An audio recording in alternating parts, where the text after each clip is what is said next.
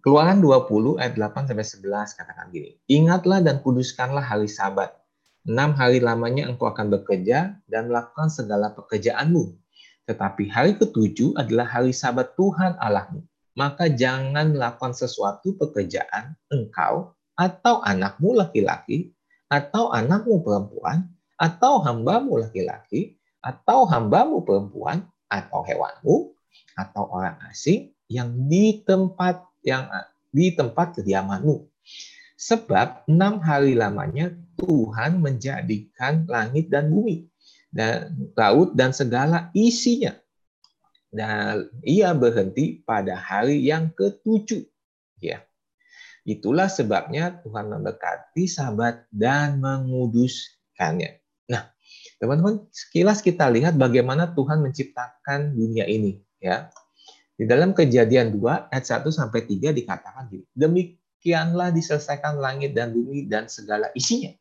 Ketika Allah pada hari ketujuh telah menyelesaikan pekerjaan yang dibuatnya itu, berhentilah ia pada hari ketujuh dari segala pekerjaan yang telah dibuatnya itu. Lalu Allah memberkati hari ketujuh itu dan menguduskannya. Kenapa? Eh, karena pada hari itulah ia berhenti dari segala pekerjaan penciptaan yang telah dibuatnya itu. Nah, teman-teman, apa yang Tuhan katakan kepada bangsa Israel di dalam Keluaran 20 tadi ya sebenarnya menyangkut dengan kejadian dua ini di mana Tuhan katakan tujuh hari hari ketujuh Tuhan berhenti dari pekerjaannya ya ini didasarkan daripada keluaran yang eh, kejadian dua ini nah jadi ada hal yang menarik sebenarnya kalau kita perhatikan baik-baik ya. Bahwa hari sabat itu dikatakan tadi ya di dalam keluaran 20 ingatlah dan kuduskanlah hari sabat. Ya.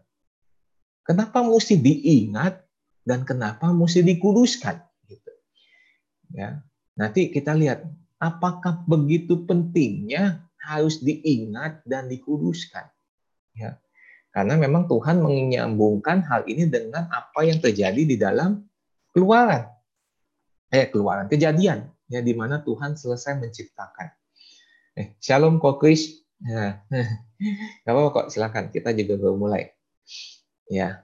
Nah, teman-teman, kita sekarang satu-satu kita mulai dengan kata ingat dulu nih.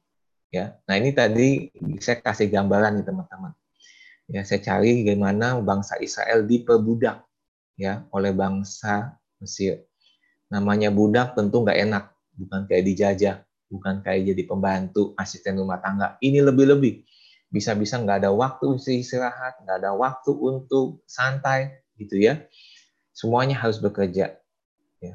Makanya eh, dua minggu lalu Tuhan salah satu memperkenalkan dirinya adalah dia menunjukkan bahwa dia Allah yang kasih. Tetapi lebih dari itu, ada hal yang perlu kita pahami juga sebenarnya. Ada yang kita perlu pahami. Ya.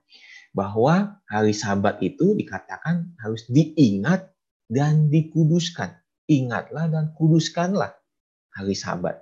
Ya. Nah, kita akan mulai gini. Apa itu ingat gitu ya? Apa sih yang kamu ingat ya? Seringkali itu menentukan kekuatan hidup. Teman-teman. Ya. Ingat apa yang kita ingat di dalam pikiran kita, di dalam memori kita, itu sangat menentukan kekuatan hidup ya dalam kehidupan kita. Saya kasih contoh gini ilustrasi, saya kesaksian. Waktu dulu saya kuliah, ya saya kuliah dulu di Binus. Rumah saya tuh di Celilitan, Kramat Jati. Jadi waktu saya kuliah, saya waktu itu eh, semester keberapa udah diizinkan boleh bawa mobil. Jadi saya bawa mobil dan saya biasanya lewat itu Tanah Abang. Ya, karena lewat apa tuh yang daerah Kuningan, Kokas itu kan gak ada lampu merah, bablas terus gitu. Nah, dari situ tuh saya lewat dari Kampung Melayu terus sampai tembus ke daerah uh, Roksi Mas. Nah, suatu hari teman-teman di daerah Tanah Abang itu mendadak ban mobil saya kempes. Ya. Kemudian saya menepi dan saya coba untuk lihat kondisinya. Nah, karena saya udah pernah tahu cara bagaimana ngedongkrak dan ganti ban, saya pikir ya udah saya ganti aja, kan saya punya ban serep gitu. Memang capek ini pasti, tetapi ya mau nggak mau dah gitu. Jadi saya turun, saya buka ban segala macam, saya ganti semuanya.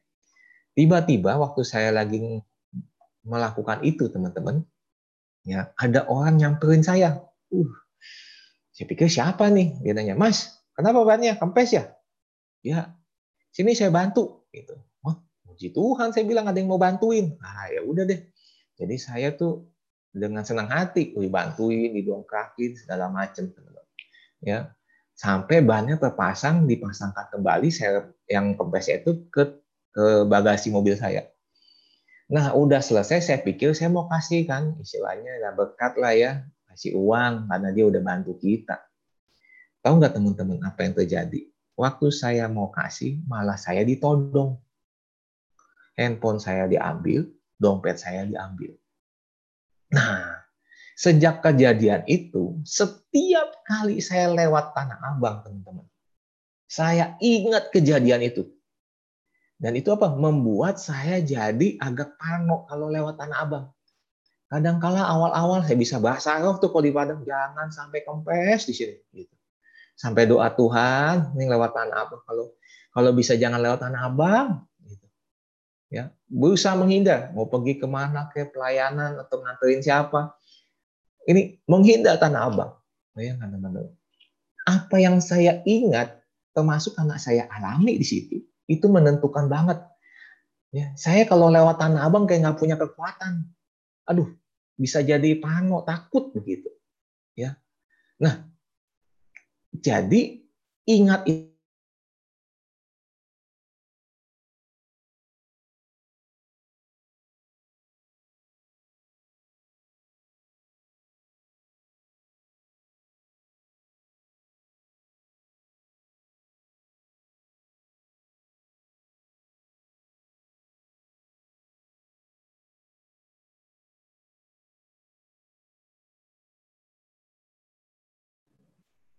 Fandri ya yang putus ya?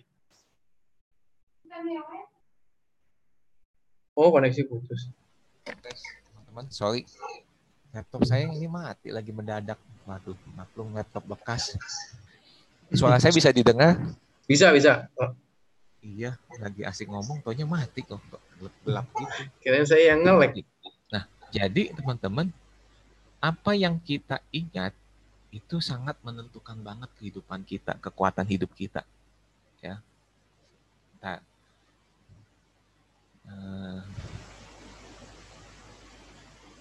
ya, nah, jadi kita perlu sadar bahwa Tuhan sebenarnya, eh, Tuhan lagi. Saya mau ingatkan gini teman-teman, yang kita ingat itu benar-benar bisa mempengaruhi kehidupan kita, ya. Yang kita ingat itu benar-benar bisa membuat kita percaya ya, melakukan apa yang ada. Nah, karena itu teman-teman ya. Saya balik lagi nih. Puji Tuhan balik. Karena di sini suaranya kurang bagus.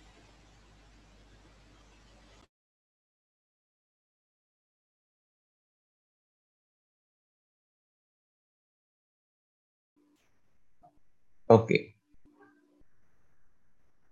tes. Oke, okay, teman-teman. Jadi, apa yang kita ingat, teman-teman, benar-benar bisa menentukan dan melihat apakah kekuatan hidup kita itu ada apa enggak. Nah, jadi itu yang saya mau perhatikan tentang kata ingat dulu. ya. Nah, saya mau tanya ke teman-teman, apakah Tuhan itu baik? Saya percaya semua teman-teman setuju. Ya, setuju dengan saya buat Tuhan kita yang kita sembah di dalam nama Yesus itu Tuhan yang baik. Nah, masihkah teman-teman ingat akan kebaikan Tuhan dalam kehidupan kita? Ya, berapa kali sih Tuhan sudah berbuat baik kepada Anda? Pernah teman-teman kalkulasi? Ya, terus kebaikan Tuhan Yesus yang mana yang teman-teman ingat?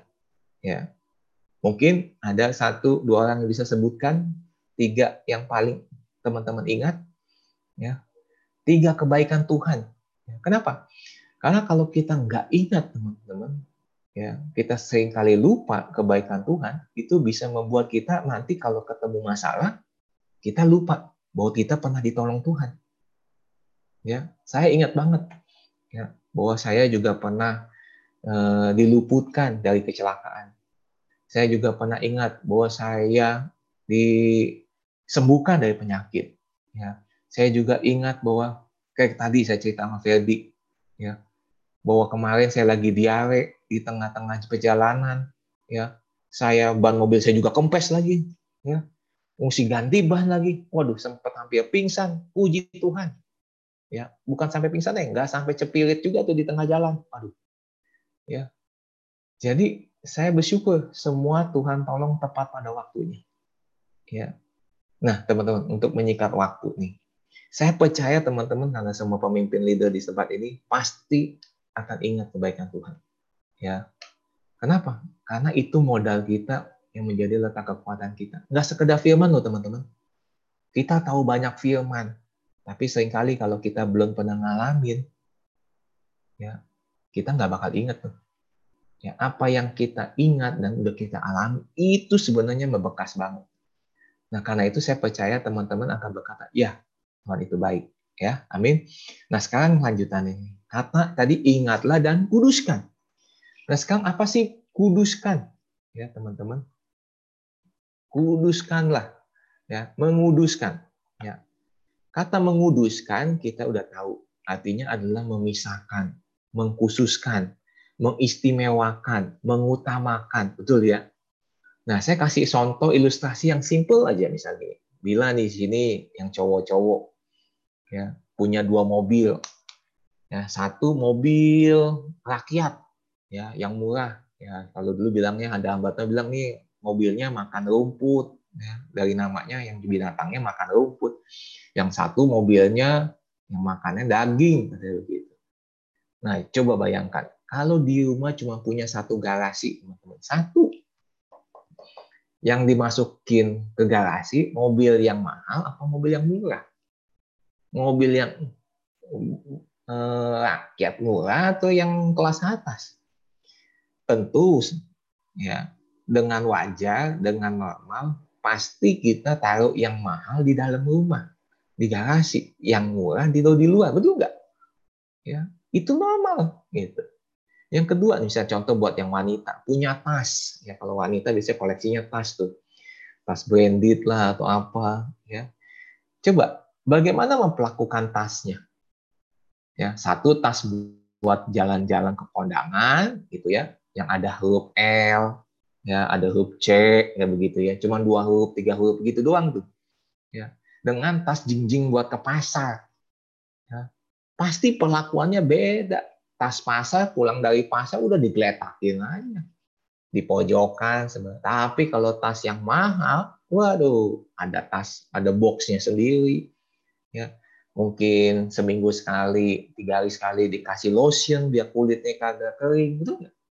Ya, dikasih obat pelembab, bu, begitu.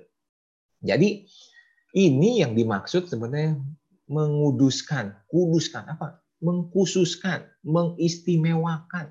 Ya, kayak itu. Mobil yang mahal diistimewakan. Mobil yang bagus dikhususkan. Ya, tas dikhususkan di tempat yang khusus, dispesialkan. Itu namanya dikuduskan. Nah, itu teman-teman. Nah, kembali ke hari Sabat sebenarnya. Di mana tadi Tuhan katakan, ingatlah dan kuduskanlah hari Sabat. Pertanyaannya sekarang, sejauh mana sahabat itu bagi Anda, teman-teman? Ya. Karena yang menarik gini, kenapa mesti harus diingat? Kenapa harus harus diistimewakan? Gitu loh. Ya. Harus begitu dispesialkan. Baik, bisa dibayangkan, teman-teman. Ya. Dari 10 firman Tuhan itu semua, teman-teman. Ya saya percaya semuanya masih berlaku sampai detik ini. Ya, pasti. Dan semua orang semua setuju. Ya, nggak boleh membunuh, nggak boleh mencuri, nggak boleh berzina. Itu udah hukum universal. Ya, nah ini hukum universal bes minggu depan kita pelajari. Ya, nah tetapi gini, untuk yang hari Sabat Kenapa Tuhan sampai bilang kalian ini ingatlah dan kuduskanlah hari Sabat. Ya. Kalau cuma sekedar untuk tidak bekerja pada hari ketujuh, kenapa mesti diingat dan dispesialkan, dikhususkan begitu, Pak? Ya, sampai anaknya nggak boleh kerja, pembantunya nggak boleh kerja, tamunya nggak boleh kerja, sampai binatang pun nggak boleh kerja. Ya, ibarat kalau kita ingat, ya tentu kita ingat ya di Indonesia ini ada uh, orang yang beragama Hindu kayak di Bali. Waktu mereka merayakan nyepi, teman-teman, mereka nggak sama sekali kerja, lampu aja nggak nyala, ya jadi ibaratnya coba kita ngebayangin kayak nyepinya aja orang Hindu. Ya. Nah, teman-teman bisa nggak bayangkan kalau nyepinya dirayakan setiap minggu? Coba bayangin. Ya, setiap hari Minggu orang Bali nyepi. Saya pikir-pikir jangan-jangan Bali bisa sepi tuh. Nah, kebayang nggak coba? tiap pagi minggu semua tutup, toko tutup, nggak ada yang kerja, lampu pada dimatiin, mana ada wisatawan mau datang. Nggak ada yang kerja semuanya, semuanya di rumah masing-masing. Ya. Jadi pasti agak-agak membosankan lama-lama. Nyepi kok tiap minggu setahun sekali nggak apa-apa seru kalau siap tahun sekali. Nah coba bayangkan nih. Kalaupun nggak usah sampai yang nggak kerja deh teman-teman. Ya. Kita kita nih ya mau Natalan kan Desember. Coba bisa nggak kebayang gini? Kalau Natal disuruh Tuhan diperingatkan setiap minggu bisa kebayang nggak repotnya kayak apa Natalan mulu, Natalan mulu, Natalan mulu, kapan kerjanya?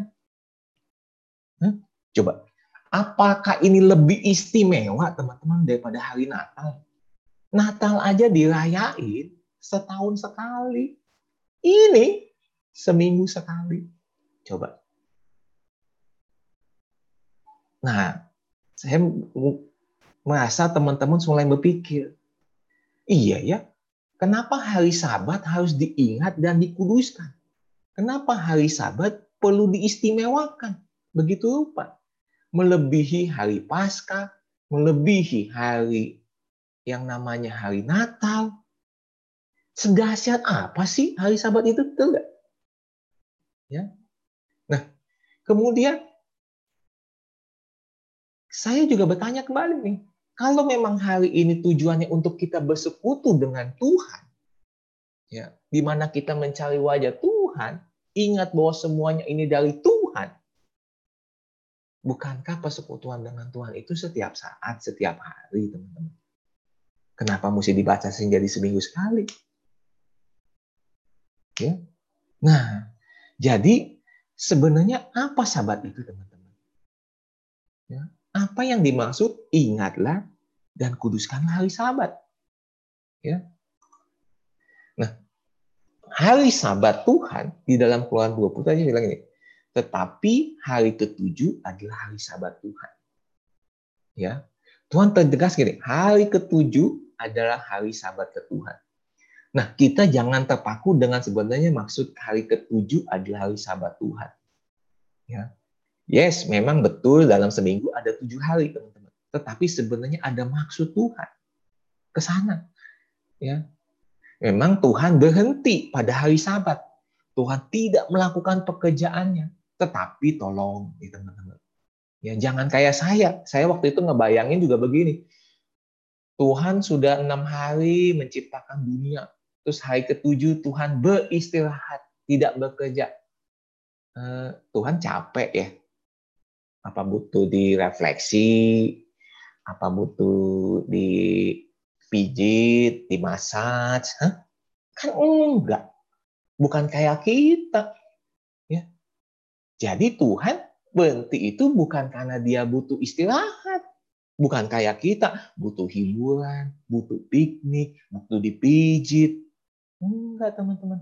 Saya dulu pikir gitu, Tuhan beristirahat. Nah, Tuhan capek ya ciptain dunia. Memang sih dunia gede. Tapi kan lebih gede Tuhan. Ya. Ibarat kalau kita punya bola kelereng ya, mungkin, mungkin bayangan saya. Ya dunia cuma segede kelereng bagi Tuhan mungkin. Mungkin. Nah ini gambaran ini saya dapat nih teman-teman di internet. Coba lihat gambar ini. Tuhan kita lebih besar daripada dunia ini. Ya, bahkan sebenarnya ini kalah besar, lebih besar dari alam semesta tuh mestinya. Ini cuma lagi bayang lebih besar dari dunia bumi ini, tapi mestinya lebih besar lagi daripada alam semesta. Ya, nah Tuhan dengan kemahakuasaannya teman-teman sama sekali nggak butuh istirahat, sama sekali nggak butuh namanya piknik, ya nggak butuh, ya tetapi apa maksudnya hari ketujuh adalah hari sabat di mana Tuhan berhenti? Itu maksudnya gini. Tuhan waktu berbicara di dalam ini, ya kejadian bahwa dia mau berhenti, dia mau menikmati segala ciptaannya. Ya, ibarat gini, kalau teman-teman buat karya tertentu nih sesuatu, ya buat nih, bukan cipta, buat aja. Kan kita pengen menikmati, betul nggak? Contoh, buat kue, pasti kan apa? Kita cicipin, wah enak juga nih tapi kurang dikit ya besok kita bikin lagi itu tapi kalau Tuhan nggak ada uji coba sekali bikin sekali jadi sempurna dan dia mau menikmati segala dari segala pekerjaan. Termasuk apa? Menikmati manusia yang udah dikerjakan oleh tangannya sendiri. Ya.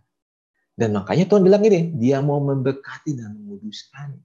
Ya Tuhan mau mengistimewakannya mau mengutamakan. Dan bangsa Israel diminta Tuhan juga ayo kamu harus ingat ya kamu mesti istimewakan. Makanya kenapa di dalam keluaran 20 Tuhan ini kamu tuh juga harus bisa melihat bahwa segala sesuatunya ya itu datang dari Tuhan aku lakukan ini untuk kamu aku mengasihi kamu ya yuk kamu diciptakan serupa dan segambar ya kamu harus bisa menikmatinya juga Ya. Kenapa? Kita ini adalah makhluk pribadi yang spesial di mata Tuhan. Kita istimewa. Dan Tuhan mau kita juga bisa merasakan apa yang Tuhan rasakan. Ada waktunya. Ya teman-teman. Ya. Sehingga kita bisa apa? Ingat dan kuduskan. Nah, hari sabat Tuhan teman-teman. Kita mau naik lebih dalam lagi. Nih. Yang harus diingat dan dikuduskan. Ya. Kenapa begitu istimewa juga? Kenapa begitu harus dispesialkan, dikhususkan? Ya. Yang saya temukan juga bahwa supaya kita menyadari segala sesuatu dalam kehidupan ini semua berasal dari Tuhan. Ya. Kalau kita kerja terus menerus setiap hari, ya, nggak memikirkan waktu untuk istirahat, waktu untuk keluarga, waktu untuk beribadah, pikiran cuma cari uang terus kerja karir terus pelayanan terus nggak ada waktu berhenti jangan-jangan kita lupa bahwa semuanya itu datang dari Tuhan untuk Tuhan dan oleh Tuhan. Ya sekali-sekali kita perlu berhenti sejenak untuk menyadari. Kenapa? Kalau enggak kita lupa bahwa kita punya kekuatan tenaga itu dari Tuhan. Ya dan kita pikir ini semua hasil kerja keras kita. Ya karena itu teman ini kita perlu pahami ya. Ya Tuhan katakan hari ketujuh kau harus berhenti istirahat. Ya. Nah lebih dari itu nih kita masuk lebih dalam lagi apa yang dimaksud dengan hari sabat itu sendiri ya yang sampai dikatakan ikat dan kuduskan begitu teman-teman kalau kita menyadari sungguh teman-teman bahwa Tuhan yang kita sembah di dalam nama Yesus adalah pribadi yang mentok habis istimewanya. Betul nggak? Mentok habis. Nggak ada yang lebih istimewa daripada Tuhan. Pertanyaannya, kenapa hari sabat harus diistimewakan? Kenapa hari sabat harus dikhususkan? Ya, oleh Tuhan sendiri. Tuhan yang begitu istimewa Tuhan yang begitu luar biasa memerintahkan kita, kamu dan saya harus mengistimewakan yang namanya hari Sabat. Ya. Apa sih sebenarnya jadinya? Ya. Kalau kita lihat teman-teman bagaimana Tuhan Yesus waktu hidup nih. terhadap yang namanya hari Sabat, wah, kita bisa lihat nih banyak contoh. Ya, murid Yesus memetik gandum pada hari Sabat. Tuhan Yesus malah bela tuh muridnya. Yesus menyembuhkan orang yang tangannya mati sebelah di hari Sabat, padahal peraturannya waktu itu nggak boleh. Yesus menyembuhkan orang lumpuh, memelekan orang buta, ya. Kemudian berkata, hari Sabat itu untuk manusia, bukan manusia untuk hari Sabat. Ya. Berkata bahwa anak manusia adalah Tuhan atas hari Sabat. Ya. Dan orang Yahudi berusaha membunuhnya karena apa? Karena seakan-akan ia Yesus meniadakan hari Sabat. Ya. Dan kemudian orang Yesus ini dianggap tidak datang dari Allah Kenapa? Karena tidak memelihara hari sabat. Bayangkan, kalau kita ngelihat contoh-contoh ini teman-teman, kok seakan-akan Yesus bertentangan jauh. Maksudnya apa sih Tuhan? Ya, hari sabat itu, bukankah Tuhan sendiri bilang di keluaran gak boleh kerja? Mesti berhenti dari semua aktivitas. Tetapi kok Tuhan sekarang waktu engkau hadir di dunia, engkau tunjukkan sesuatu yang berbeda. Apakah kontradiksi? Tentu enggak, teman-teman. Ya. Tentu enggak sama sekali. Nah, jadi apa sebenarnya sahabat itu? Nah, perhatikanlah apa yang dikatakan Yesus menjelang dia menuju kematiannya, teman-teman. Dan di waktu kematiannya dia berkata, Tete Nestai, sudah selesai. Dan kematian Yesus itu di hari menjelang Sabat. Makanya waktu Yesus sudah mati, ya, Yesus harus diturunkan. Ya, segera dikubur. Kalau enggak, masuk hari Sabat besoknya. Enggak ada yang nurunin itu bangkainya, mayatnya membusuk dan membau. Jadi harus cepat diturunkan, dikasih rempah-rempah, dan kemudian dikuburkan. Nah, teman-teman, waktu Yesus mati menjelang hari Sabat, Yesus berkata, "Sudah selesai." It is done katanya. Tetelestai yang artinya selesai. Nah, dari sini teman-teman, saya menemukan bahwa yang dimaksud sabat, kenapa harus diingat dan dikuduskan? Bahwa sabat itu ada dua versi. Versi pertama selesai penciptaan. Tetapi yang kedua dari versi sabat ya adalah selesai menebus. Ini yang disebut sabat terakhir. Dan Yesus Tuhan waktu mengatakan ingatlah dan kuduskanlah hari sabat. Ya. Bukan sekedar untuk memperkatakan saat itu, tapi sedang memperkatakan apa yang terjadi di kayu salib.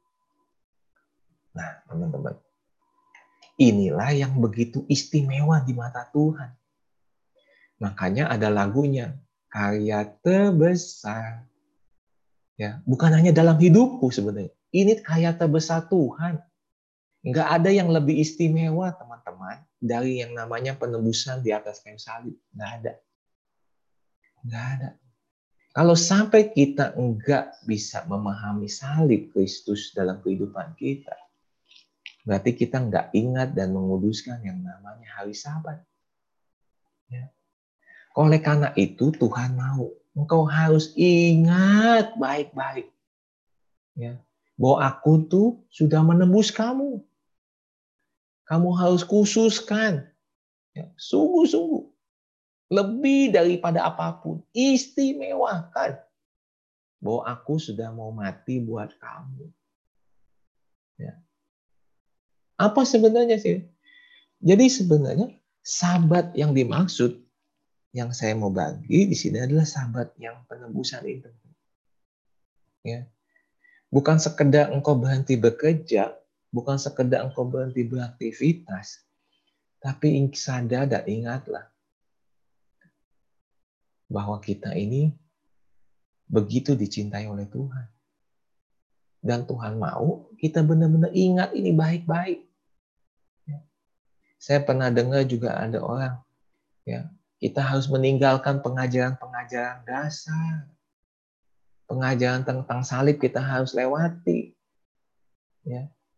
Kalau sampai kita lupa tentang pelajaran tentang salib, teman-teman, sama aja kita melupakan tentang pengorbanan Yesus. Padahal Tuhan sendiri dari sejak dulu, ya, waktu Dia mulai menciptakan, Dia memberkati yang namanya hari Sabat, dan waktu bangsa Israel keluar, ada firman mengatakan ingatlah dan kuduskanlah hari Sabat. Itu semua ngomongin tentang saya salib untuk kita ingat. Dia yang begitu istimewa aja mau mengingatkan terus ke kita bahwa ini begitu spesial, ini begitu istimewa. Tapi kalau kita nggak ngelihat itu juga, kita belum menerima yang namanya anugerah itu. Jangan-jangan kita masih belum kenal siapa Tuhan kita. Nah, jadi teman-teman, yang Tuhan bagikan ya, yang Tuhan berikan buat kita untuk kita ingat dan benar-benar menspesialkan sungguh adalah ini. Ya. Bahwa kita sudah benar-benar ditebus. Kita ini ciptaan yang sangat dikasihinya. Ya. Ini teman-teman, semuanya Tuhan ngelihat ke sini. Kalau Tuhan aja ngelihatnya ke sini, kenapa kita nggak ngelihat ke sini? Ya. Tuhan waktu menebus kita, ya, dia nggak ngelihat kiri kita, kesalahan kita, perilaku kita, tapi yang dilihat salib Kristus. Ya. Kenapa? Karena pengorbanan inilah yang paling besar, paling istimewa. Nggak ada yang lain, teman-teman. Nggak ada. Nggak ada pekerjaan Tuhan yang lebih istimewa dibandingkan salib. Ya, saya akui, saya pernah ditolong Tuhan. Ya, saya akui saya pernah disembuhkan Tuhan. Ya, saya diakui saya pernah diluputkan. Tapi tanpa salib semuanya sia-sia, teman-teman. Tanpa salib semua sia-sia. Kita semua kalau disembuhkan so what? Ujung-ujungnya manusia pasti mati. Cuma masalah gini, waktu mati kita mati di dalam kekekalan bersama Tuhan atau ke, masuk ke kekekalan di dalam penghukuman. Ini ditentukan oleh bagaimana kita, apakah kita udah terima sahabat salib ini enggak teman-teman? Ya kita ditolong, ya kita diberkati, ya kita diperkaya, kita dimuliakan di dunia ini. Tapi kalau tanpa salib, nggak ada satupun yang dibawa teman-teman.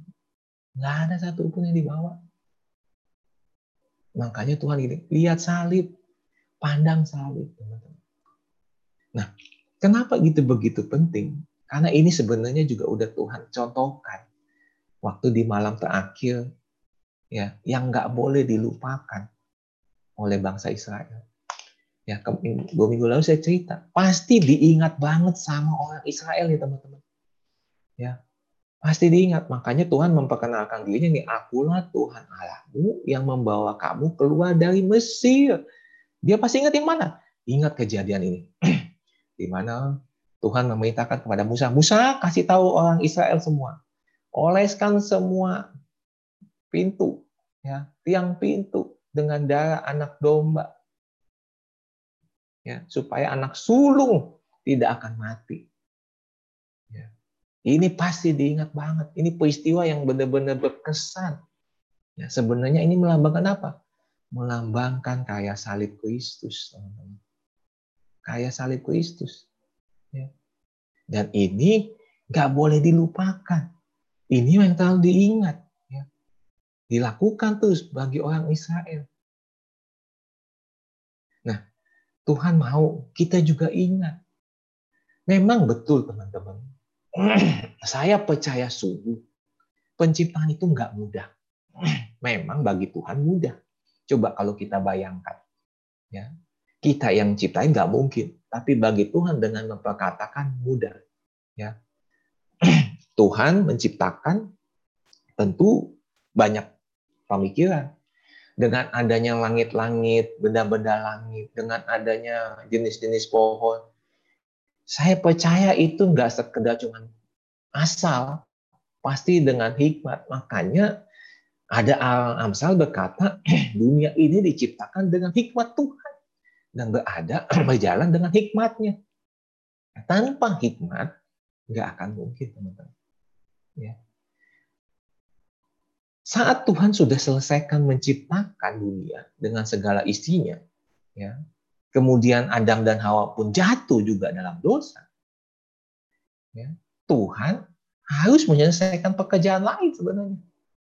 Ciptaan yang udah begitu indah Tuhan ciptakan, manusia udah ditempatkan di Taman Eden yang paling sempurna. Tetapi karena manusia jatuh, Tuhan harus membereskan masalah lagi. Ya, di mana manusia yang begitu dicintainya jatuh. Nah, penciptaan ya, yang sudah begitu sempurna terkotori lagi dengan dosa. Ya. Dan kita nggak bisa berbuat sesuatu, cuma Tuhan yang bisa nolong. Cuma Tuhan bisa nolong. Ya. Begitu juga dengan keselamatan di kayu salib. Ya. Itu pekerjaan yang nggak mudah. Teman-teman pernah bayangkan nggak begini? Alkitab pernah mengatakan bahwa dia yang termulia dijadikan tidak termulia karena kita. Dia yang terkaya dijadikan tidak kaya karena kita. Ya. Bayangan paling gampang menurut saya gini. Dia yang sempurna dari surga ya, menjadi tidak sempurna karena kita. Kenapa? Karena nanti waktu kita kembali ke surga, teman-teman, tangan kita nggak berlobang, tangan Tuhan di sana berlubang. Kaki kita nggak berlubang, kaki Tuhan di sana berlubang. Dia mau tunjukin apa? Aku sudah menebus kamu. Awalnya dia nggak berlubang. Tapi waktu kita ke sana, kita akan lihat. Tuhan pas. Saya pikir Tuhan pasti akan tinggalkan bekas itu untuk ingatin kita. Nih, aku ada buktinya. Ada buktinya. Kalau engkau sampai nggak percaya seperti Thomas, mau bilang, nih cucukkan tanganmu ke sini. Tanganku berlobang. Itu udah tubuh kemuliaan Tuhan waktu Tuhan bangkit dari kematian. Dan saya mungkin bisa bilang saya pribadi sangat percaya. Bekas itu pun nggak akan Tuhan hapus. Kalaupun dia sanggup. Saya percaya dia sanggup. Tapi dia menunjukkan gini. Aku datang dari yang sempurna untuk menjadi tidak sempurna karena kamu. Nah, teman-teman, jadi jangan lupakan. Teman-teman ingat gak kisah yang namanya ular tedung dan ular tembaga? ya. Kisah ini sebenarnya menarik juga. Ini juga melambangkan sebenarnya salib, di mana waktu itu bangsa Israel ya, berontak dan kemudian Tuhan kirim ular tedung. Ya, setiap orang Israel, mau tua, mau muda, mau kaya, mau miskin, dia digigit ular tedung pasti mati. Dan kemudian mereka besuk kepada Musa, Musa tolong ampuni kami, bilang ke Tuhan ampuni kami. Dan Tuhan disuruh Musa, Musa kau tiri dirikan tiang ular tembaga. Teman-teman. Nah teman-teman, ular tembaga ini harus dilihat sama orang Israel. Kalau nggak dilihat, mereka pasti mati. Nah, cuman masalahnya begini, tiangnya kan cuma satu. Tiangnya cuma satu, teman-teman. Saya nggak tahu tingginya segede apa. Mau setinggi Monas pun, dari saya di Taman Ratu kagak kelihatan. Oke lah, nggak sejauh itu, Pak Andri. Oke. Anggaplah tiangnya nggak setinggi Monas. Kalau ngeliat gambar ini, tiangnya, paling tingginya juga semusa. Bayangkan kalau bangsa Israel total jumlahnya ada 2 juta lebih, teman-teman. Itu pasti radiusnya besar sekali besar sekali. Ya. Kelihatannya juga dari jauh paling ujung juga kecil banget. Tetapi Tuhan cuma bilang ini, setiap mereka kegigit dan memandang ke ular tembang itu, mereka nggak mati. Cuma itu aja. Yang penting kelihatan. Nah coba, kalau kita ada di kanan, ular tembaganya ada di kiri. Ya. Ular di kiri nih. Ini gambarnya kok jadi kebalik ya? Nih. Pasti kan kita mesti nengok ke sini. Bukannya ke sini. Kalau kita sampai digigit nengoknya ke sini, mati bangsa Israel. Oke, kalau kita tahu dia ada di kanan, tapi kemudian kita pindah tempat, kita kita sadari kalau bangsa Israel enggak enggak, enggak waspada, enggak perhatian, waktu dia kemudian lagi kerja terus ada ular digigit, dia lupa lagi. Keburu mati. Keburu mati. Nah, teman-teman. Ya. Ini sebenarnya juga mengingatkan tentang kayak salib. Bahwa apa pun dalam kehidupan kita harus pandang kepada salib. Saat ini aja, saya kalau digigit nyamuk, pasti saya ngeliatnya langsung kaki saya. Aduh, bentol nih. Kan begitu. Apalagi digigit ular. Nggak mungkin saya misalnya nih, kalau nggak mau ini lihatnya jam dinding. Ya, pasti saya lihat dulu, aduh lukanya di mana nih? Begitu. Itu udah refleks manusia. Tetapi Tuhan sedang kadang gini. Dalam kehidupan ini, masalah memang selalu ada. Tetapi harus pandang kepada salib. Ya, kepada salib. Namanya. Jadi teman-teman, yuk kita harus lebih-lebih sekarang lihat kepada salib. Ya. Corona ini, ya teman-teman, boleh saya katakan ada hikmatnya dari Tuhan, sungguh. Ya. Lucunya banyak orang Kristen berdoa minta cepat-cepat diselesaikan. Nggak salah minta ini diselesaikan, benar. Ya karena kita semua juga maunya kembali seperti dulu lagi, betul enak kita bisa kerja seperti dulu, ibadah seperti dulu lagi, komsel seperti dulu lagi, pelayanan seperti lebih enak betul. Cuman masalah gini teman. Apakah kita minta itu sesuai maunya Tuhan enggak? Saya percaya corona ini ada untuk mengingatkan kita lagi sebenarnya. Bahwa semuanya harus kita lihat kepada salib Tuhan. Kenapa? Coba masalah yang boleh dibilang penyakit ini ya dari yang mirip-mirip kayak influenza, yang mirip-mirip kayak masuk angin ya, yang kayak di Indonesia, yang mirip-mirip kayak ini akhirnya bisa menimbulkan kematian. Yang kelihatannya sepele. Dan sampai sekarang itu vaksin benar ada apa enggak kita belum tahu lagi. Ya. Dulu Indonesia katanya mau dapat 9 juta tinggal dapatnya 3 juta. Kita nggak tahu. Ya, apalagi sekarang di dunia ini makin banyak virus. Yang dulu aja penyakit HIV AIDS aja belum ketemu obatnya kok. Ya. Nah jadi nggak akan mungkin sebenarnya dunia ini jadi lebih baik.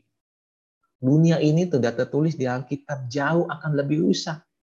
Kita nggak tahu mungkin 10-20 tahun lagi ada penyakit lebih parah lagi.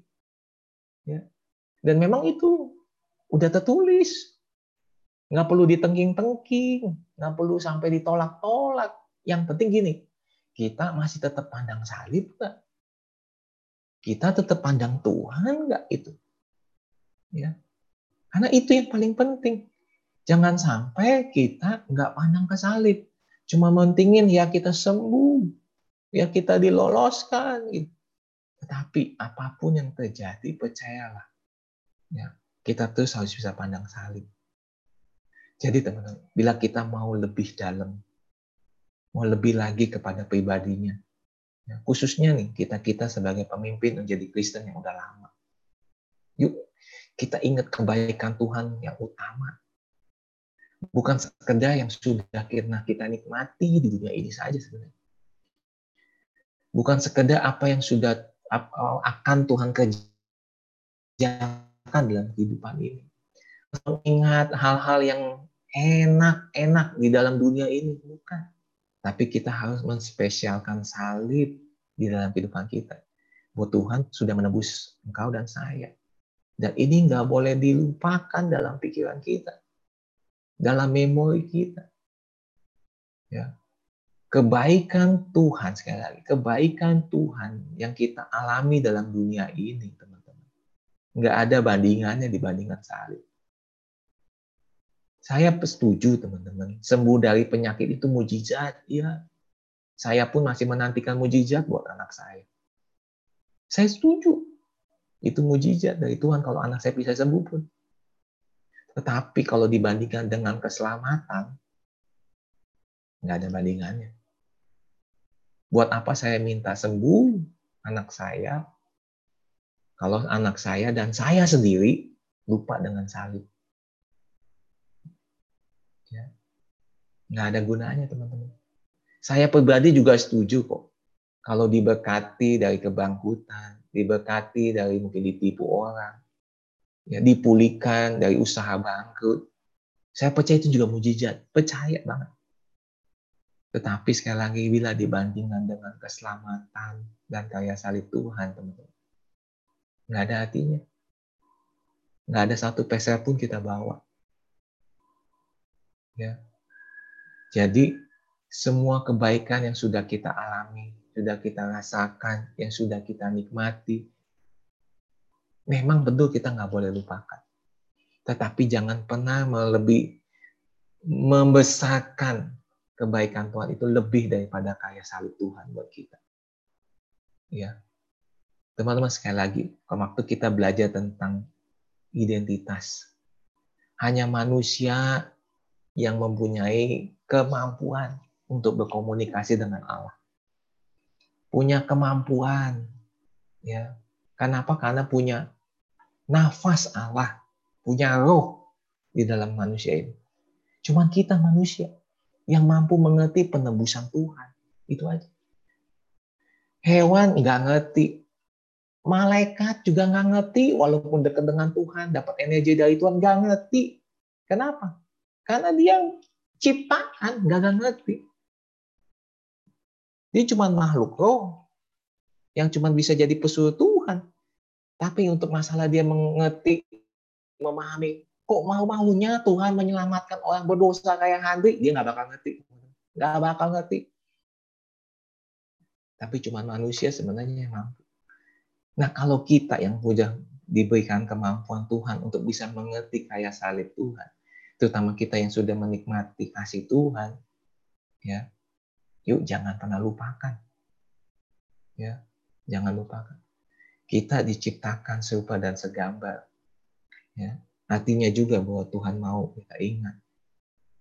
Ya, kayak salib Tuhan itu, itu begitu berharga buat kita.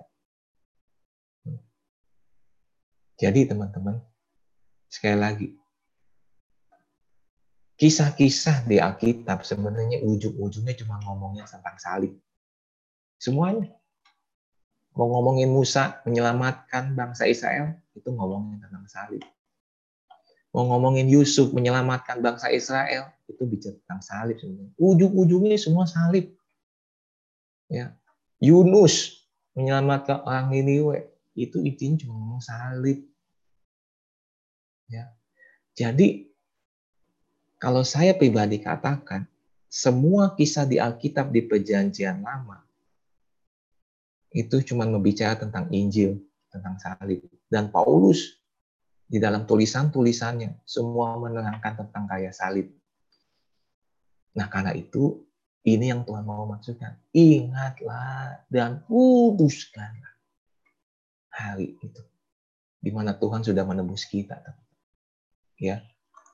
Nah, jadi sahabat yang mau saya maksud di sini bukan sekedar kita berhenti dari pekerjaan kita. Ya, itu perlu kita lakukan di dunia ini, teman. Betul.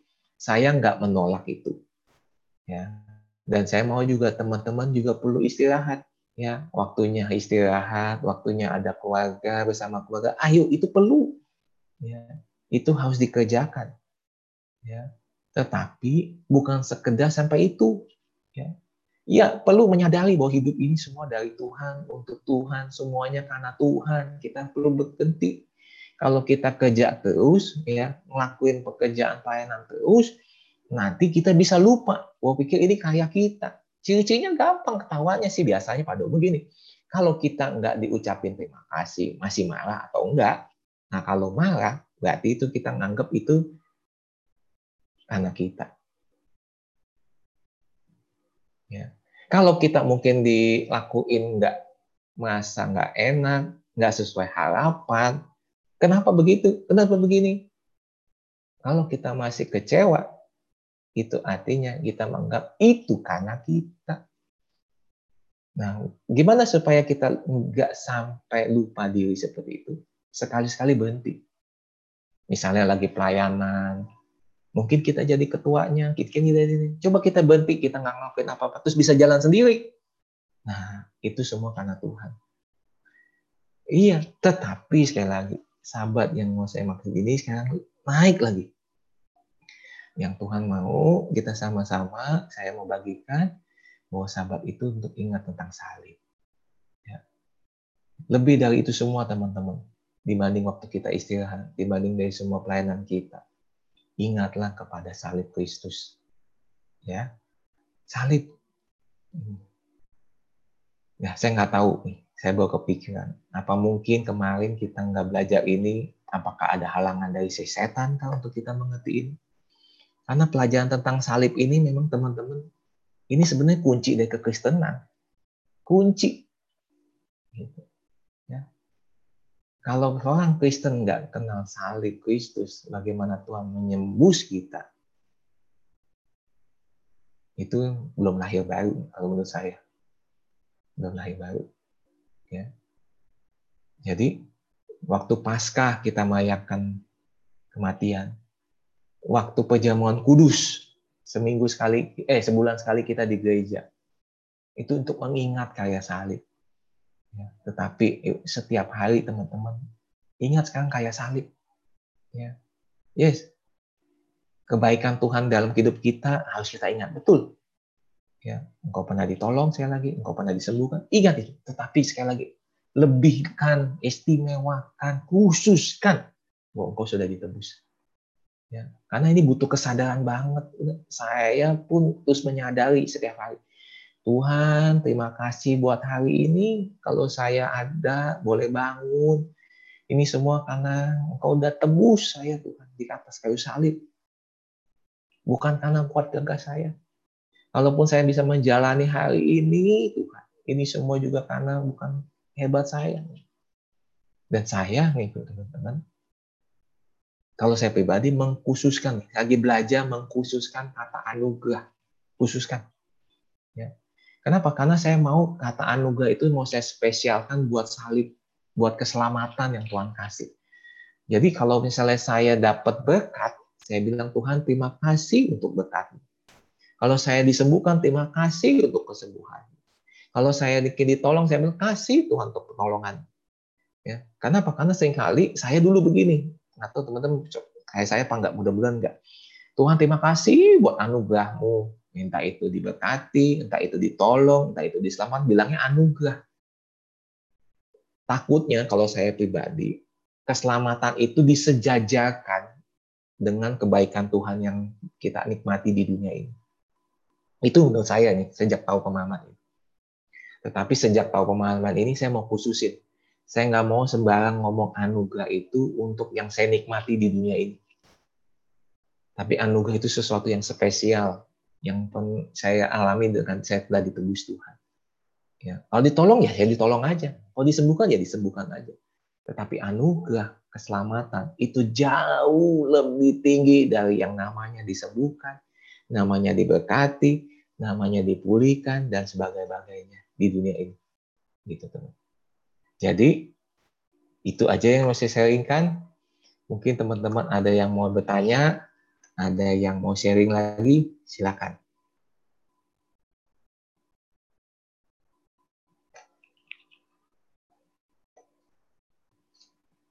Oh, William sambil gendong anak. Aduh, hebat deh. Bapak yang baik. Oke, silakan. Ada yang mau sharing? Oke, silakan. Jadi, sorry tadi di awal ada gangguan.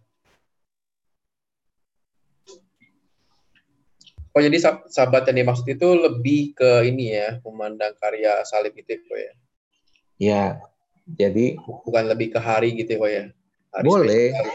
boleh kok, Dedi, boleh, nggak salah itu ya. Yang memang Alkitab mencatat dengan jelas, Tuhan menjelaskan dengan sangat panjang di dalam Keluaran 20 bahwa untuk berhenti bekerja ya, untuk tidak bekerja ya, seperti Tuhan berhenti di pada hari ketujuh itu.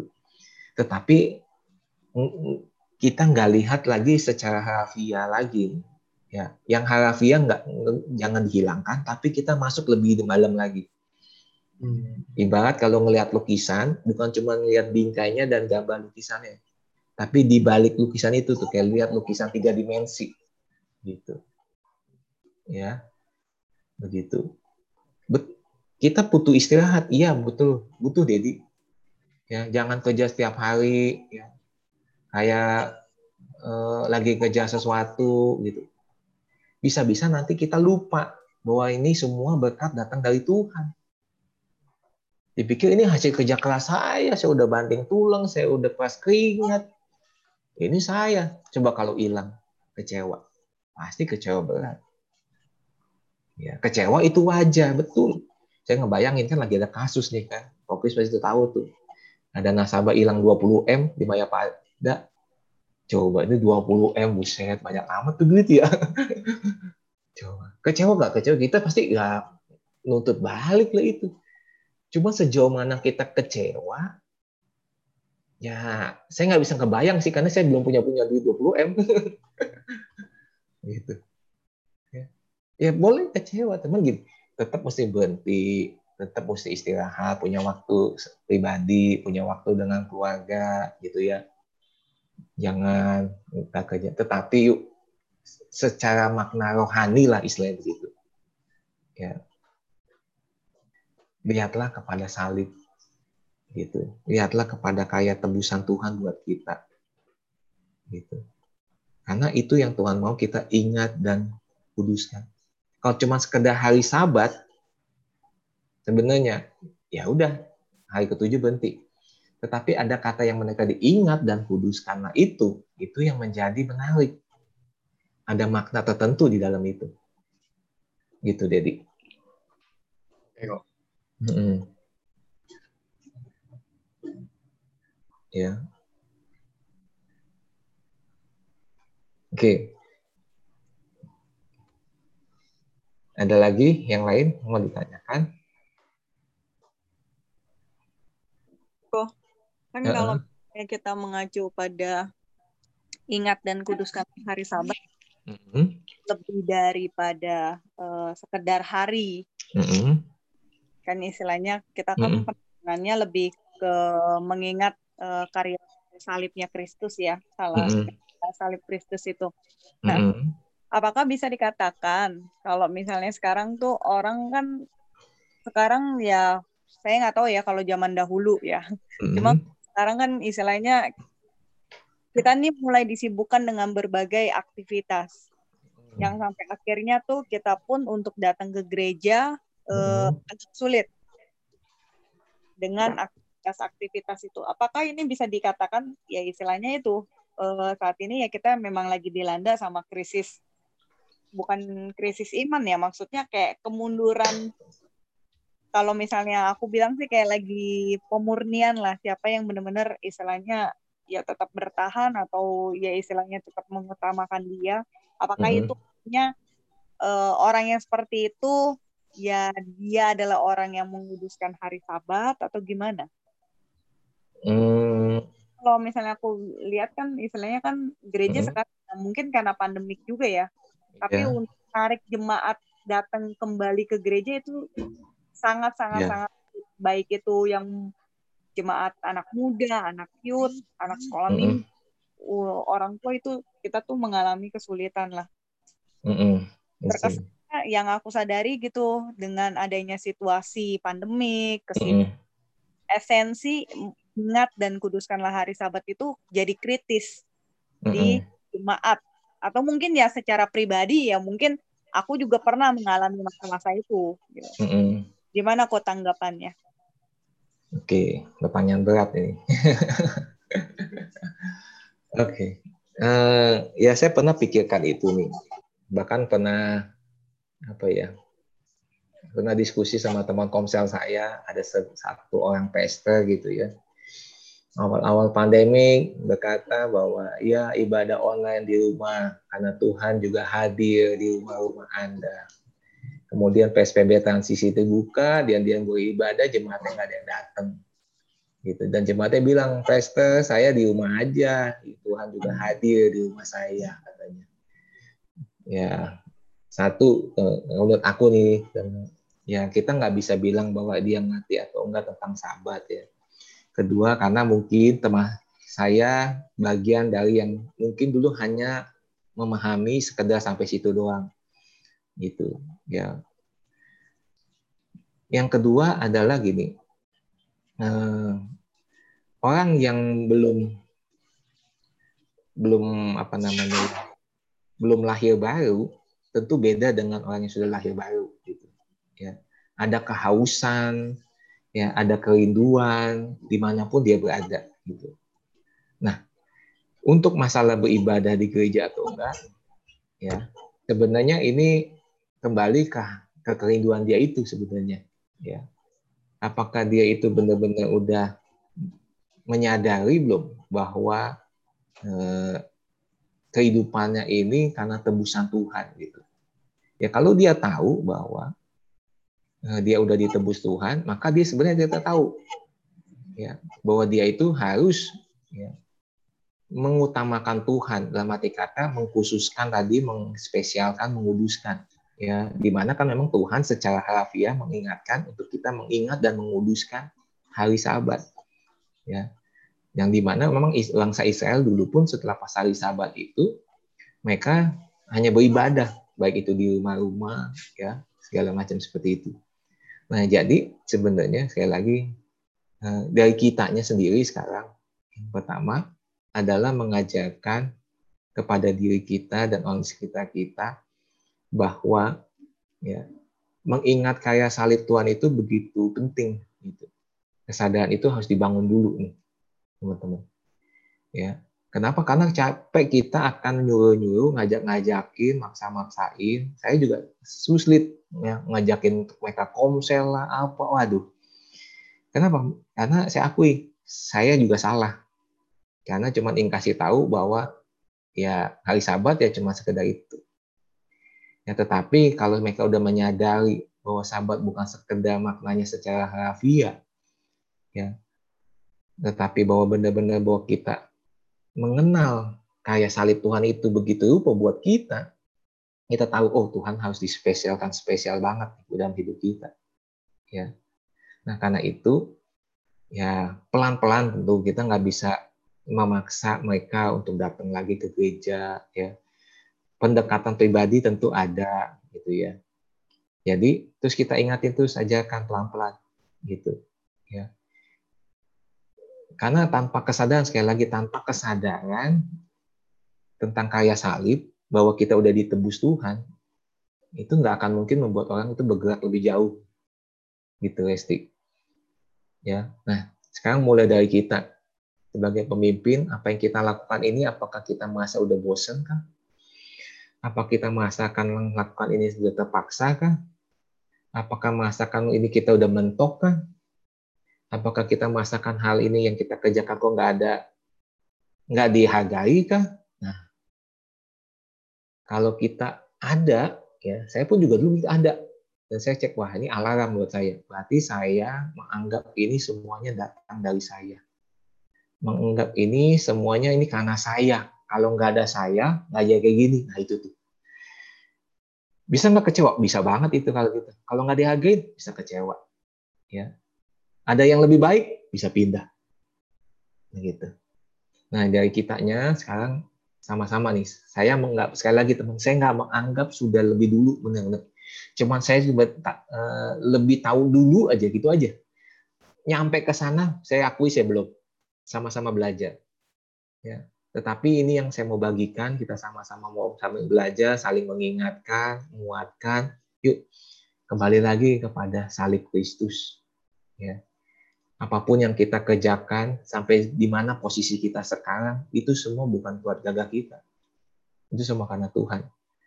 Ya, pasti kita lakukan, termasuk beribadah, ke gereja. Ini semua pakai kesadaran. Oh iya, saya ini beribadah karena saya menyadari saya sudah ditebus Tuhan saya ngelakuin ini karena bukan buat saya, bukan buat pendeta saya, bukan buat orang tua saya, bukan buat pasangan saya.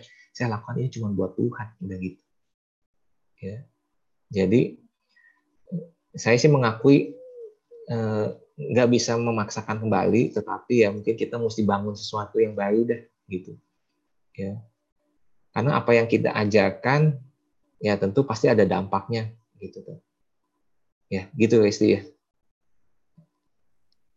Oke, kok. Cukup jelas nggak? Mungkin kalau nggak fokus satu yang lain mau nambahkan silakan.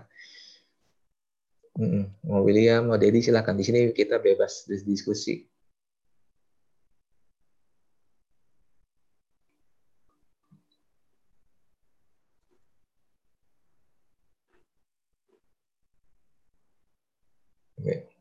Ada? Ya, silakan. Nah, Kokis tuh kayaknya udah siap-siap tuh. Kita tunggu jawaban Kokis. Kalau, kalau saya sih dari kenapa ya ke siapa ke Sis Resti aja. Ya kita juga kadang capek ya ngurusin ngurusin hmm. orang itu paling capek gitu loh ya. Betul. Saya kan kita saya di perusahaan lama di sana pemimpin ya dipercaya perusahaan sebelum saya usaha sendiri itu 10 tahun. Ini usaha sendiri sudah enam tahun jalan. Hmm. Tapi memang nggak bisa dipungkiri orang yang dibayar itu kita bayar orang aja pegawai itu kita aja yang bayarin aja makan hati gitu kan hmm. istilahnya. itu mereka dibayar loh gitu kan. Hmm. Nah, apalagi yang di gereja, saya kan dalam satu kondisi itu udah putus-putus asa gitu kan Hmm. Tapi satu hal setelah saya renungan kembali, saya ini bukan Tuhan loh gitu. Iya, betul. Jadi ya saya serahkan kembali ke Tuhan dan saya fokus sama yang mau aja gitu loh.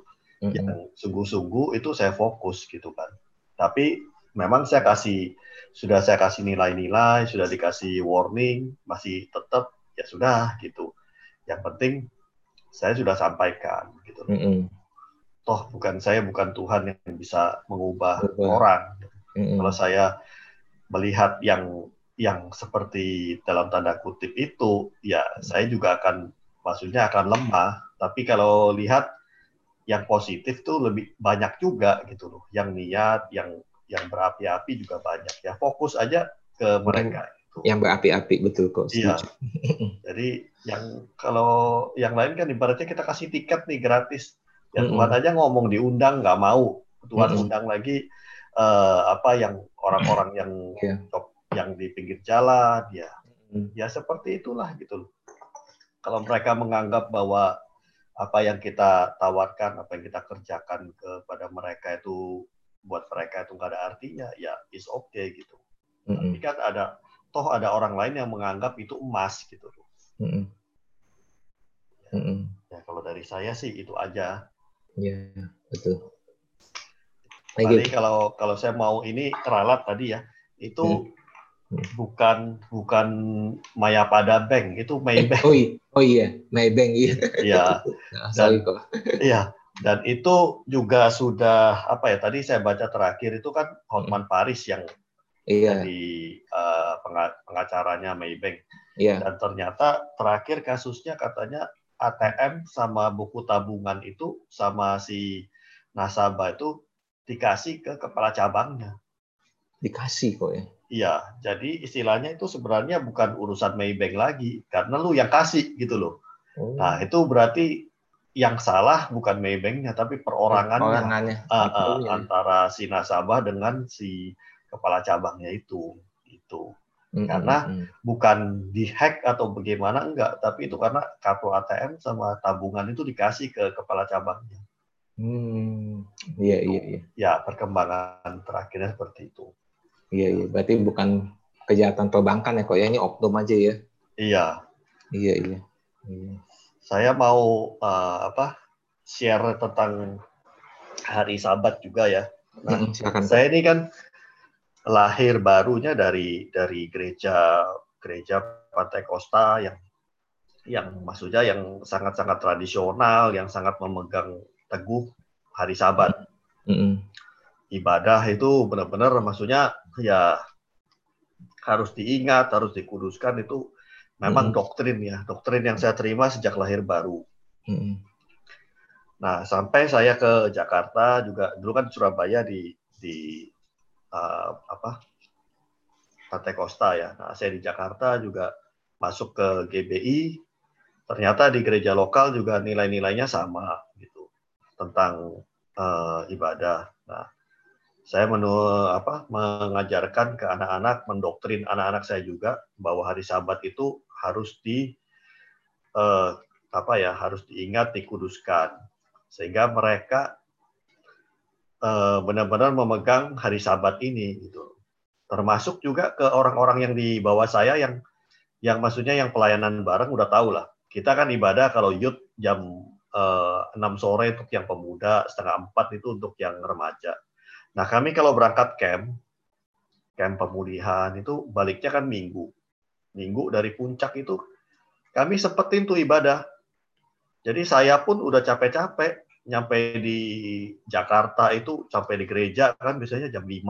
Nah, saya hmm. kan rumah deket masih sempat pulang tuh setengah enam hmm. saya masih pulang mandi. Mandi. Ya. Hmm. Balik lagi ke gereja.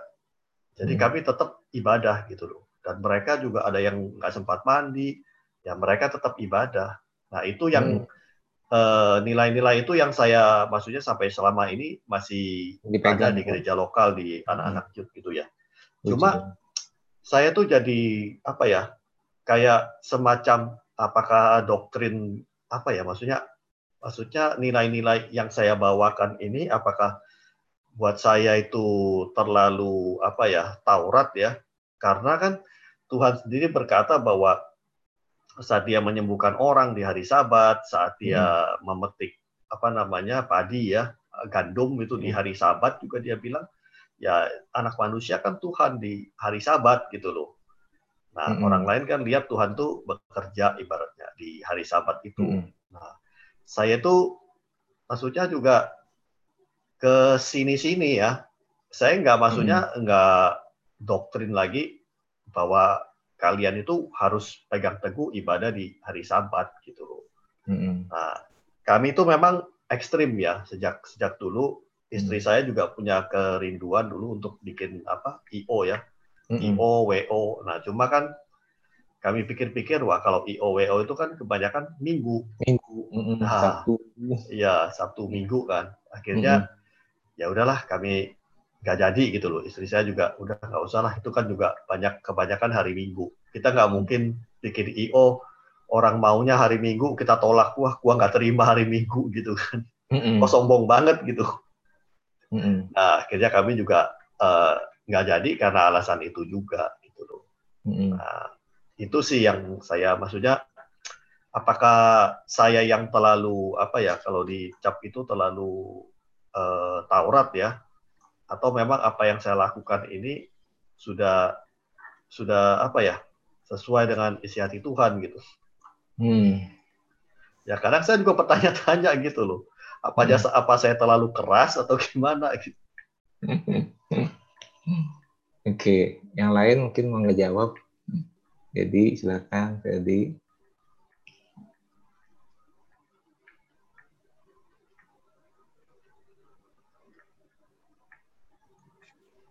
Kalau ibadah kokris hari Minggu kita sama juga sih kokris hampir mirip sih GBC 3. Sama saklek juga setiap minggu tuh harus ada ibadah. Walaupun misalnya kayak dulu Natal hari Sabtu malam gitu kan. Minggunya biasanya kita beres-beres juga tuh Sabtu malam. Nah, minggu tetap ada ibadah pagi. Nah, itu jadi tetap kita lakukan gitu sih. Tapi nggak tahu juga nih maksudnya dengan apa pandemi sekarang kan uh, udah berubah nih konsepnya. Sekarang ibaratnya uh, setiap orang bisa uh, lihat dari YouTube ibadah mau kapan pun di mana pun itu bisa nah itu juga yang dipertanyakan juga -hmm.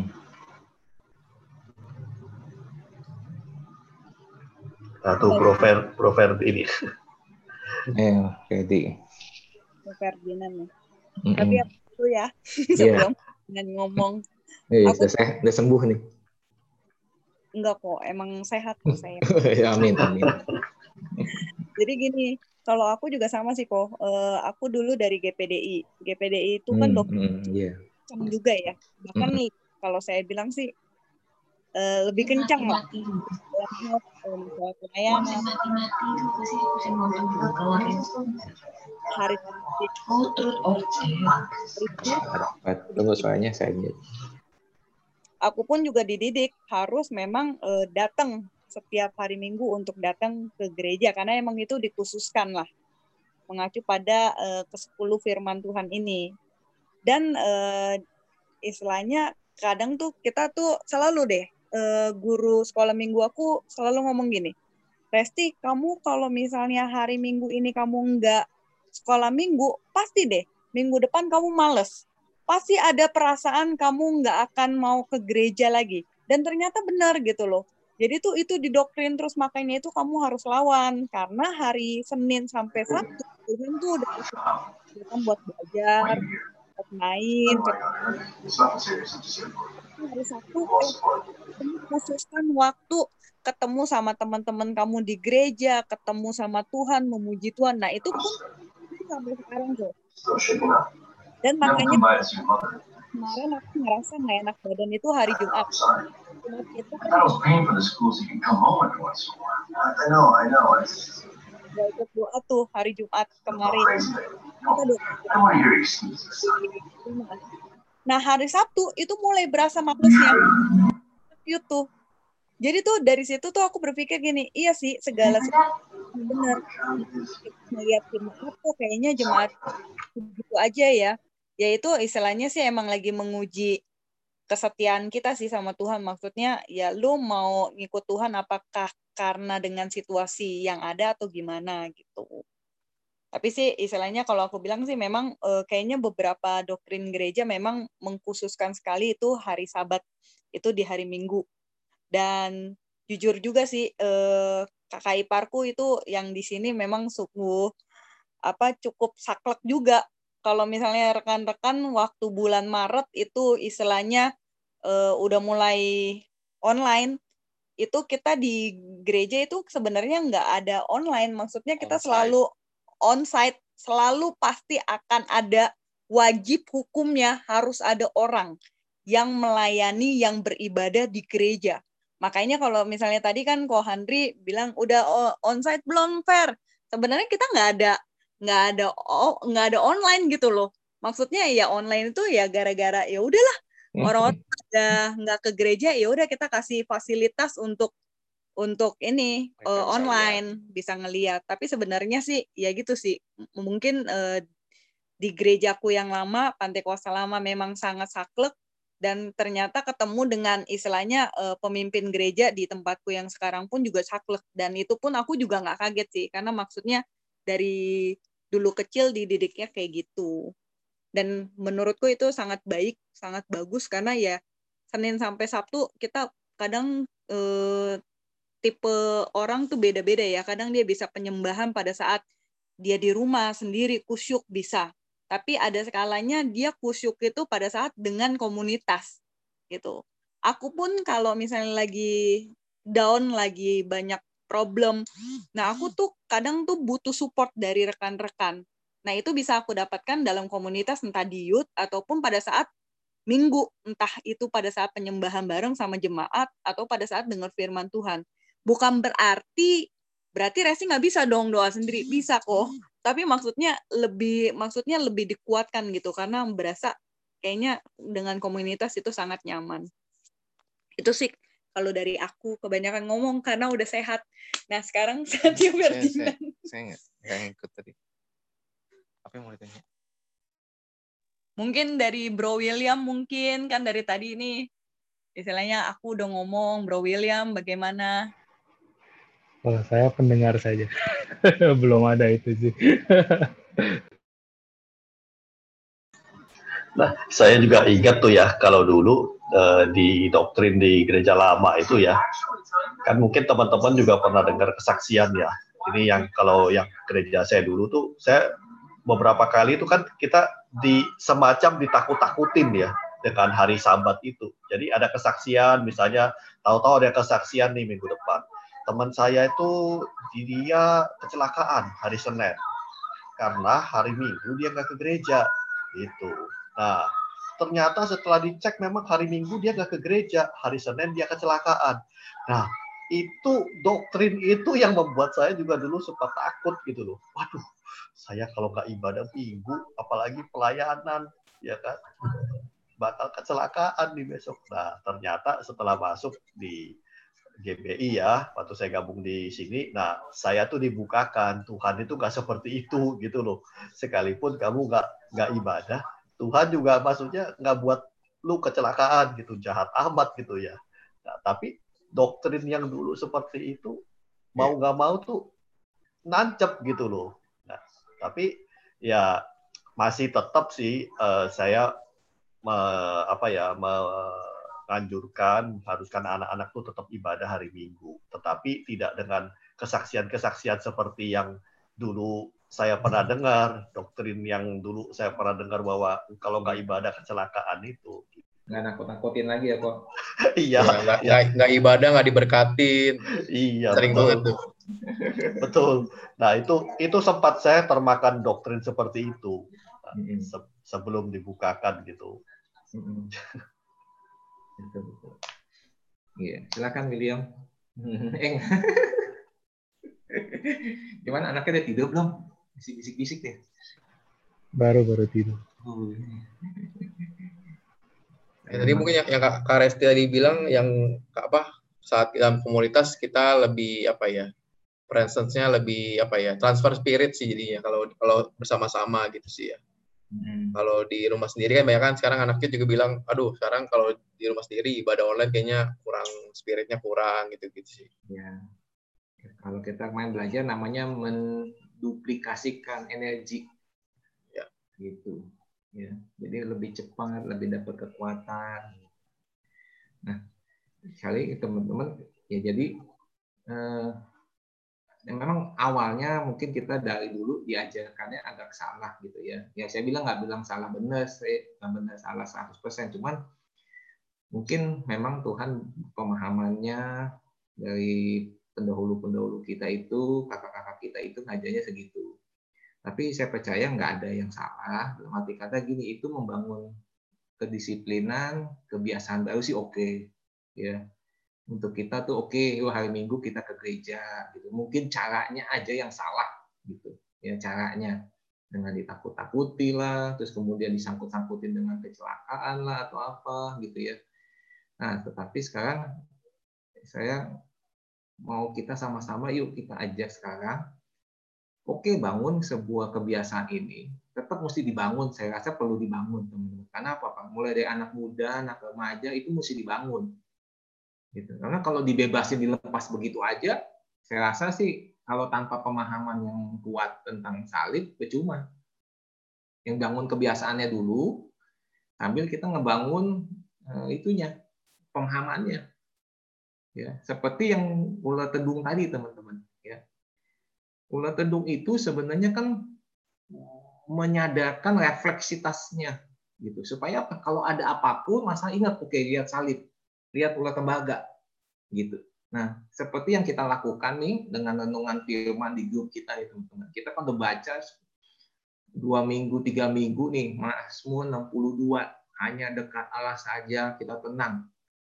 Ya, pasti ini ngelotok banget deh. Walaupun cuma ayat itu doang atau yang lain gitu cuma inget itu. Itu ada apa pun kita ingat oh ya hanya dekat Allah saja. Nah ini kan ngebangun refleks sebenarnya kebiasaan. Ya memang mungkin belum dapat pemahaman yang dalam ya cuman kita dapat secuplik kita sharing di grup secuplik kita dapat secuplik nggak apa-apa tapi kita lagi ngebangun kebiasaan gitu ya jadi kalau saya tadi sekali lagi seperti tadi katakan ya pelan-pelan kita memang tetap mesti bangun kebiasaan ini tanpa lagi ditakut-takut itu tapi sekarang ada pemahaman baru nanti diajarkan ya bahwa sahabat itu makna rohaninya ada loh bahwa itu bahwa kau menyadari untuk ingat akan karya salib Tuhan. Gitu. Ya, ingat tentang pengorbanan penebusan Tuhan buat kita gitu. Ya, ingat dan kuduskan hari Sabat gitu. Ya, jadi untuk ingat ya bukan hanya sebenarnya seminggu sekali, kalau bisa tiap hari mesti diingat. Nah, dengan kesadaran ini, oh ya semuanya karena Tuhan, saya ditebus karena Tuhan, saya percaya. Dia tahu, oh ya, yang ke gereja harus ke gereja, bukan karena keharusan lagi, bukan karena jadi kebiasaan sebenarnya, tapi menjadi kerinduan karena udah pemahaman kan gitu, ya. Nah, jadi eh, seperti kayak dua sisi mata koin lah teman-teman, ya. Cuman mungkin caranya aja kita mesti kembali jangan takut-takutin lagi gitu. Tapi ya, kita mesti tetap ada ibadah, tetap jalanin, persekutuan juga mesti ada ya. Bersama-sama ya. Nah, tetapi kalaupun sampai nggak ada sekalipun, gitu, sampai nggak bisa sekalipun, jangan merasa berdosa, jangan sampai merasa tertuduh, jangan merasa sampai wah ini nggak layak lah, najis lah, jangan jangan Ya. Tetapi kalau ada kesempatan untuk bisa beribadah silakan. Kalau enggak, ya, jangan sampai gitu. Ya, nah itu mulai dari apa sih pemahaman persepsi ya kalau jadi gitu. Ya. Nah saya percaya kan kita kita kan udah mulai ngerti. Oke kita waktu itu mungkin dipaksa begitu. Saya pun juga dulu takut takutin dihubung-hubungan dengan tadi itu kalau nggak ke tak begini nggak diberkati lah kalau nggak ke nanti sekolahnya berantakan lah yang mesti ke gereja orang Kristen gini-gini gitu. Tetapi sekarang kalau kita udah sekarang oh iya saya diberkati itu karena kaya salib Tuhan. Ya, saya juga ditolong karena Tuhan. Ya. Itu. Jadi, oh iya, kalau gitu saya datang beribadah lah, Pak. Ya, karena saya mau berterima kasih sana ke Tuhan. Bisa nggak di rumah? Ya bisa. Cuman kalau ada bisa ke gereja bersama-sama, ya udah kita ke gereja gitu. Ya, jadi lebih ke pemahaman sih teman-teman. Ya, jadi kita bangun ke situ. Oke. Ya. Saya berharap kita belajar sesuatu, teman-teman, dan kita bisa ajarkan ya ke sekitar kita. Yuk, terus pandang kepada salib Kristus, ya tentang pengorbanan penebusan Kristus, gitu ya, di mana pun, kapan pun, ya, gitu. Karena ini begitu spesial di mata Tuhan, ya kita aja nanti ketemu Tuhan, Tuhan nggak lihat kita. Ya. Tuhan lihat Kristus yang sudah mati buat kita. Gitu. Ya. Kita nggak dilihat sebenarnya, cuma Kristus yang dilihat.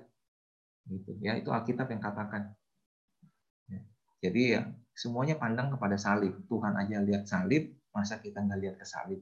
Gitu. Ya. Wah, anaknya Wewe udah bangun lagi tuh. Udah digendong.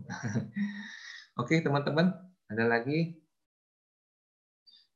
Ya, kalau nggak ada, kita akan akhiri. Minggu depan kalau nggak berhalangan lagi, kita akan belajar tentang hukum universal, ya, yang didasari dari ayat yang menghormatilah ayahmu dan ibumu, gitu ya. Dan, karena itu salah satu hukum universal juga yang kita tahu dan ke bawah semua di dunia ini setuju untuk menghormati orang tua, untuk tidak membunuh, untuk tidak mencuri, untuk tidak ini. Nah, itu kita perlu pahami ya bahwa di dunia ini memang ada hukum itu. Ya, dan banyak orang Kristen nggak paham, menyangka bahwa kita udah ditebus Tuhan, kita sok-sokan lagi. Nah, itu dia tuh bahayanya. Ya, bahayanya itu. Seringkali kita pikir, wah kita udah manusia super, nggak ada kutuk pun satu pun. Memang nggak ada kutuk, tapi ada hukum gitu masalahnya dan kita nggak menyadarinya. Nah itu dia. Dan nggak menyadarinya, udah kena akibatnya langsung nyalain. Kok saya masih begini? Kok saya masih begitu? Nah begitu dia. Ya, nah itu banyak orang Kristen yang jadi kadang di tengah jalan kecewa. Ya. Kok saya kok begini ya? Kok saya ikut jadi Kristen kok jadi begini ya? Nah itu teman-teman. Ya, nah itu kita nanti kita belajar sama-sama. Ya, untuk minggu depan. Dan terakhir bahwa kita belajar tentang apa yang namanya eh, Taurat, dosa, dan percaya itu apa ya. Oke, saya rasa cukup udah setengah sepuluh ya biar kita juga nggak kemalaman. Kasihan si Wewe udah dua kali gendong, tiga kali gendong. Ya, ini good father banget loh. sorry kok, sorry sorry. Kebangun tuh. Ini pemandangan yang indah loh, benar. Iya. Oke, ada yang mau didoakan? Jadi, Ruth, Okris, Fedi, Resti. Ya.